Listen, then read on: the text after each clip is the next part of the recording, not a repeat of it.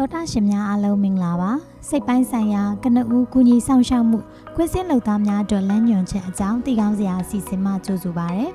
ခုစီစဉ်ကတော့စိတ်ပိုင်းဆိုင်ရာကနဦးကူညီဆောင်ရှောက်မှု psychological first aid အကြောင်းမြန်မာဘာသာနဲ့စီစဉ်တင်ဆက်ခြင်းအပိုင်း1ဖြစ်ပါရဲ့ရှင်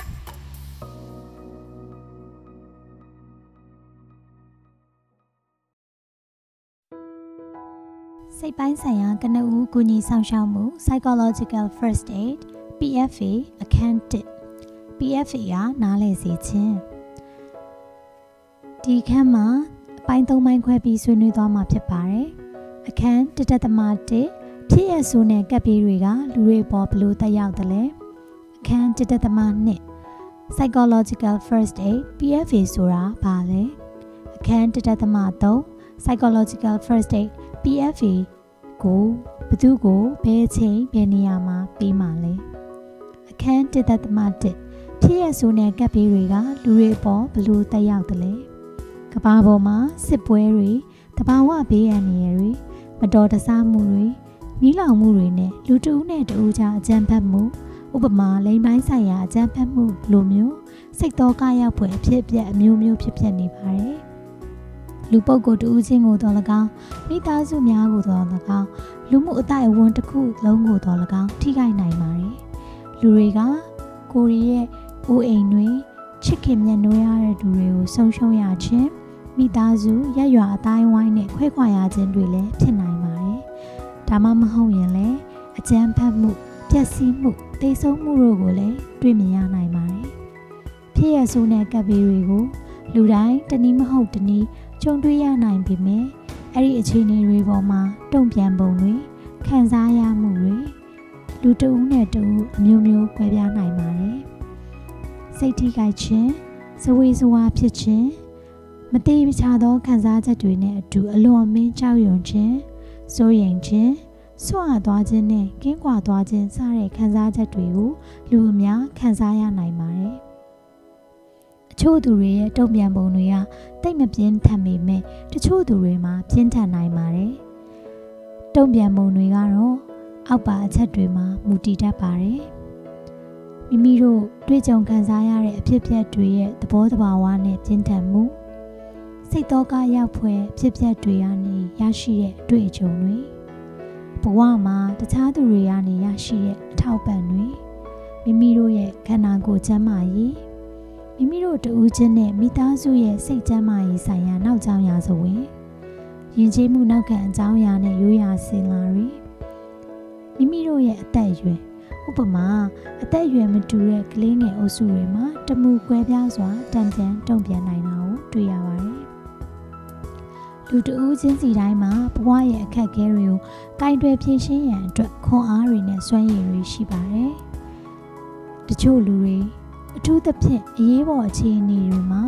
ထိခိုက်လွယ်တဲ့လူတွေရှိတဲ့အခါမှာထပ်ဆောင်းအကူအညီတွေလိုအပ်နိုင်ပါတယ်။ဥပမာအဖြစ်အသက်အရွယ်ကြောင့်ကလေးငယ်တွေတက်ကြီးရွယ်အိုတွေအခက်အခဲကြုံနေရတဲ့လူတွေဒါမှမဟုတ်ထပ်ဆောင်းအကူအညီလိုအပ်တဲ့လူတွေပါဝင်ပါတယ်။ဘာဖြစ်လို့လဲဆိုတော့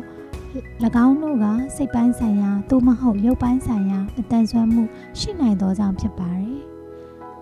ပြစ်ပယ်ခံထားရတဲ့လူတွေသို့မဟုတ်အကြမ်းဖက်မှုအတွက်ပြစ်မှတ်ထားခံရတဲ့လူတွေနဲ့လည်းအများကြီးသက်ဆိုင်နေပါတယ်။အပိုက်ခွဲ3.5မှာထိခိုက်လွယ်တဲ့သူများဖေးမကူညီရန်လမ်းညွှန်ချက်များထည့်သွင်းဆွေးနွေးထားပါတယ်။အခန်း1.2 PFA ဆိုဒီမှာအပယ်နီး Sphere 2017နဲ့ ISC 2009အရစိတ်ပိုင်းဆိုင်ရာကနဦးကူညီဆောက်ရှောက်မှုလို့ခေါ်တဲ့ PFA မှာ ဒုက္ခခံစားနေရတဲ့အကူအညီလိုအပ်နေတဲ့သူတွေကိုလူသားဆန်တဲ့အထောက်အကူဖြစ်စေတဲ့ကူညီဆောင်ရှောက်မှုတွေပေးရမယ်လို့ဖော်ပြထားပါတယ်။ PFA မှာဒီလိုအကြောင်းအရာတွေပါဝင်ပါတယ်။နောက်ဆက်ခြင်းမျိုးမဟုတ်တဲ့လက်တွေ့ကျတဲ့ဆောင်ရှောက်မှုနဲ့ပံ့ပိုးမှုတွေပေးတာမျိုးလိုအပ်ချက်တွေနဲ့စိုးရင်ပူပန်မှုတွေကိုအကဲဖြတ်ပေးတာနောက်ပြီးတော့ကျွန်တော်တို့အခြေခံလိုအပ်ချက်တွေဥပမာအဖြစ်ပြောရရင်အစားအစာတို့ရေတို့သတင်းချက်လက်တို့ ဒီလိုຢာတွေကိုဖြည့်ရှင်းပေးနိုင်မှုလူတွေကိုအကူအညီပေးတာလူတွေကိုအတင်းကျပ်ပြောကြားစီတာမျိုးမဟုတ်ဘဲနဲ့သူတို့ကိုယ်တိုင်ပြောလာတာတွေကိုနားထောင်ပေးတာ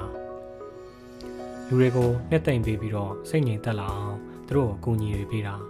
လူတွေကိုသတင်းအချက်အလက်တွေဝန်ဆောင်မှုတွေနဲ့လူမှုရေးအထောက်ပံ့တွေရရှိလာအောင်ချိတ်ဆက်ဆောင်ရွက်ပေးတာနဲ့သူတို့အနေနဲ့ပို့ပြီးတော့ထိခိုက်ခံစားမှုတွေမရှိလာအောင်ကာကွယ်စောင့်ရှောက်မှုပေးတာမျိုးတွေပါဝင်ပ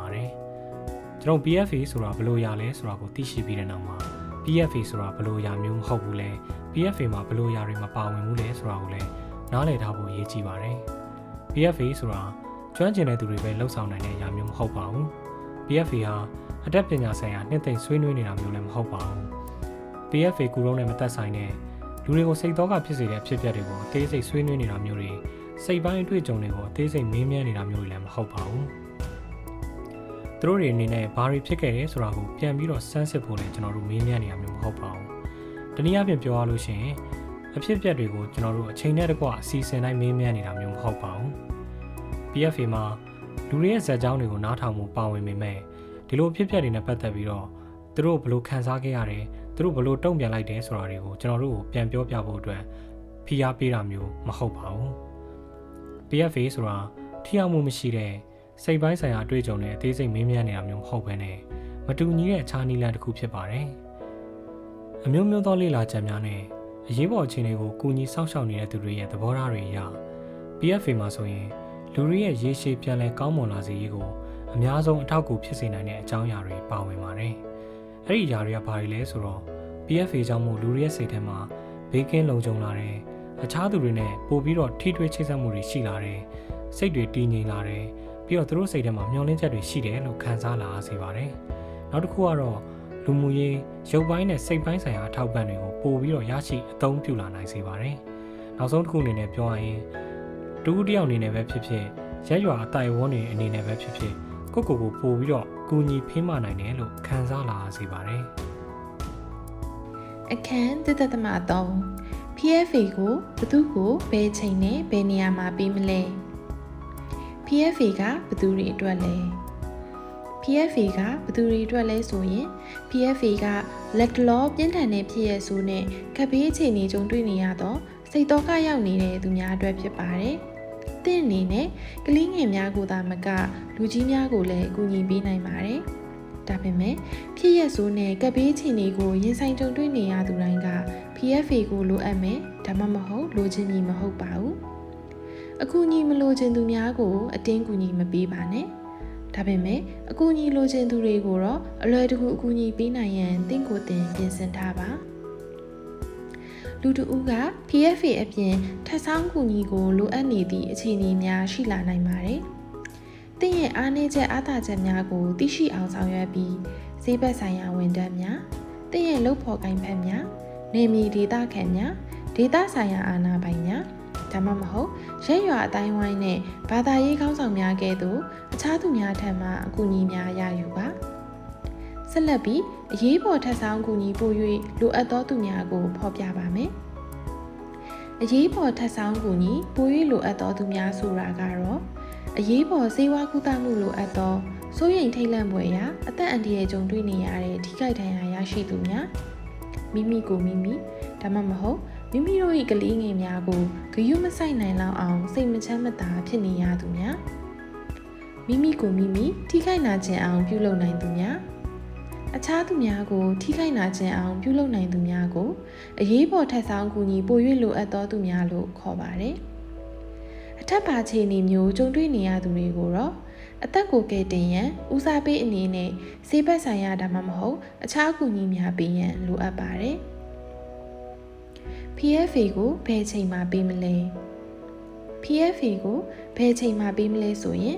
အဖြစ်အပျက်တစ်ခုဖြစ်ပျက်ပြီးနောက်လူတွေကအကူအညီနဲ့ထောက်ပံ့များကိုရေရှည်ရရှိရန်လိုအပ်တာဖြစ်တော်လဲ PFA ကဖြစ်ရက်ဆိုးနဲ့ကပ်ဘေးတစ်ခုကြောင့်လောလောလတ်လတ်ထိခိုက်ခံစားနေရသူများကိုဖေးမကူညီပေးရန်ရည်ရွယ်ပါတယ်။သင်အနေနဲ့စိတ်တော့ကရောက်နေသူများနဲ့ပထမအကြိမ်တွေ့ဆုံတဲ့အခါ PFA ကိုပေးနိုင်ပါတယ်။ အများအားဖြင့်ဖြစ်ပျက်တစ်ခုဖြစ်ပွားနေစဉ်အတွင်းဖြစ်စေဖြစ်ပွားပြီးပြီးချင်းဖြစ်စေပြီးနိုင်ပါတယ်။ဒါပေမဲ့တခါတရံမှာအဲ့ဒီဖြစ်ပျက်ဖြစ်ပွားတဲ့အချိန်ကာလနဲ့ပြင်းထန်မှုပေါ်မူတည်ပြီးရပ်ပိုင်းခန့်ဒါမှမဟုတ်ရက်တသက်သက်ပတ်ခန့်ကြာမြင့်နိုင်ပါတယ် PFA ကိုဘယ်နေရာမှာပေးမလဲ PFA ကိုဘယ်နေရာမှာပေးမလဲဆိုရင် PFA ကိုဘေးကင်းလုံခြုံမှုရှိတဲ့မြည်သည့်နေရာတွေမဆိုပေးနိုင်ပါတယ်မ တော်တဆထိခိုက်မှုဖြစ်သည့်နေရာများဒါမှမဟုတ်ကျန်းမာရေးစင်တာများခိုးလုံရနေရာများစခန်းများကျောင်းများနဲ့အစားအစာဒါမှမဟုတ်အခြားကူညီများပေးဝေသောနေရာများကဲ့သို့သောစိတ်တော့ကရောက်နေသူများအဝန်ဆောင်မှုပေးရနေရာများစသည်ရက်ရွာအတိုင်းဝိုင်းနေရာများတွင် ပေးလေးရှိပါတယ်။ကောင်းဆုံးကတော့တင့်မျော်တဲ့အချိန်မှာထိုသူနဲ့စကားပြောဆိုရန်ကိုရေးလုံခြုံမှုရှိတဲ့နေရာမှာ PFA ပေးရန်စူးစမ်းကြည့်ပါ။ လိန်အကျန်းဖတ်မှုကဲ့သို့အချို့သောဖြစ်ရများရင်ဆိုင်ခဲ့ရသူများအတွက်ကိုရေးလုံခြုံမှုများလျှို့ဝှက်ထားရန်အတွက်ရောသူတို့ရဲ့ဂုဏ်သိက္ခာကိုအလေးထားပေးရန်အတွက်ရောမရှိမဖြစ်အရေးပါပါတယ်ရှင်။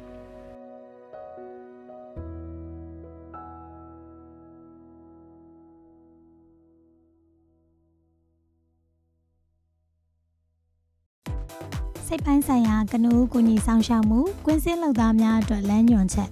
psychological first aid အကြောင်းသိကောင်းစရာအစီအစဉ်မှတင်ဆက်ခဲ့တာဖြစ်ပါတယ်ရှင်။ဒီအစီအစဉ်ကိုအပိုင်းလေးပိုင်းခွဲပြီးတင်ဆက်ထားပါတယ်။ဒီအစီအစဉ်တင်ဆက်ရာမှာအသုံးပြုခဲ့တဲ့သတင်းချက်လက်နဲ့ဘိုးတုဒဆိုင်ရာလမ်းညွှန်ချက်များကတော့ ACF မြန်မာမှ2018တွင်ထုတ်ဝေထားတဲ့စိတ်ပိုင်းဆိုင်ရာကနဦးကူညီဆောင်ရှောက်မှုကွင်းစင်းလုပ်သားများအတွက်လမ်းညွှန်ချက်မှာဖြစ်ပါတယ်ရှင်။ မူလ psychological first aid ကိုတော့အင်္ဂလိပ်ဘာသာနဲ့ထုတ်ဝေခဲ့ပြီးအင်္ဂလိပ်ဘာသာနဲ့မြန်မာဘာသာကြားမှာကွဲပြားမှုရှိပါကမူရင်းအင်္ဂလိပ်ဘာသာစကားကိုသာအတည်ယူရမှာဖြစ်ပါတယ်ရှင်။ထို့အတူပဲမြန်မာဘာသာနဲ့ဖော်ပြရမှာမူရင်းစာအုပ်နဲ့ကွဲလွဲချက်များကြံရစ်ခဲ့တာများရှိရင်လည်းတင်ဆက်သူများ၏တာဝန်သာဖြစ်ပါတယ်ရှင်။နားထောင်ပြီးတဲ့အတွက်ကျေးဇူးတင်ပါတယ်။နောက်အစီအစဉ်များမှာလည်းပြန်လည်တွေ့ဆုံမှုရအတွက်ညှောင်းလင်းပါတယ်။ကျေးဇူးတင်ပါတယ်ရှင်။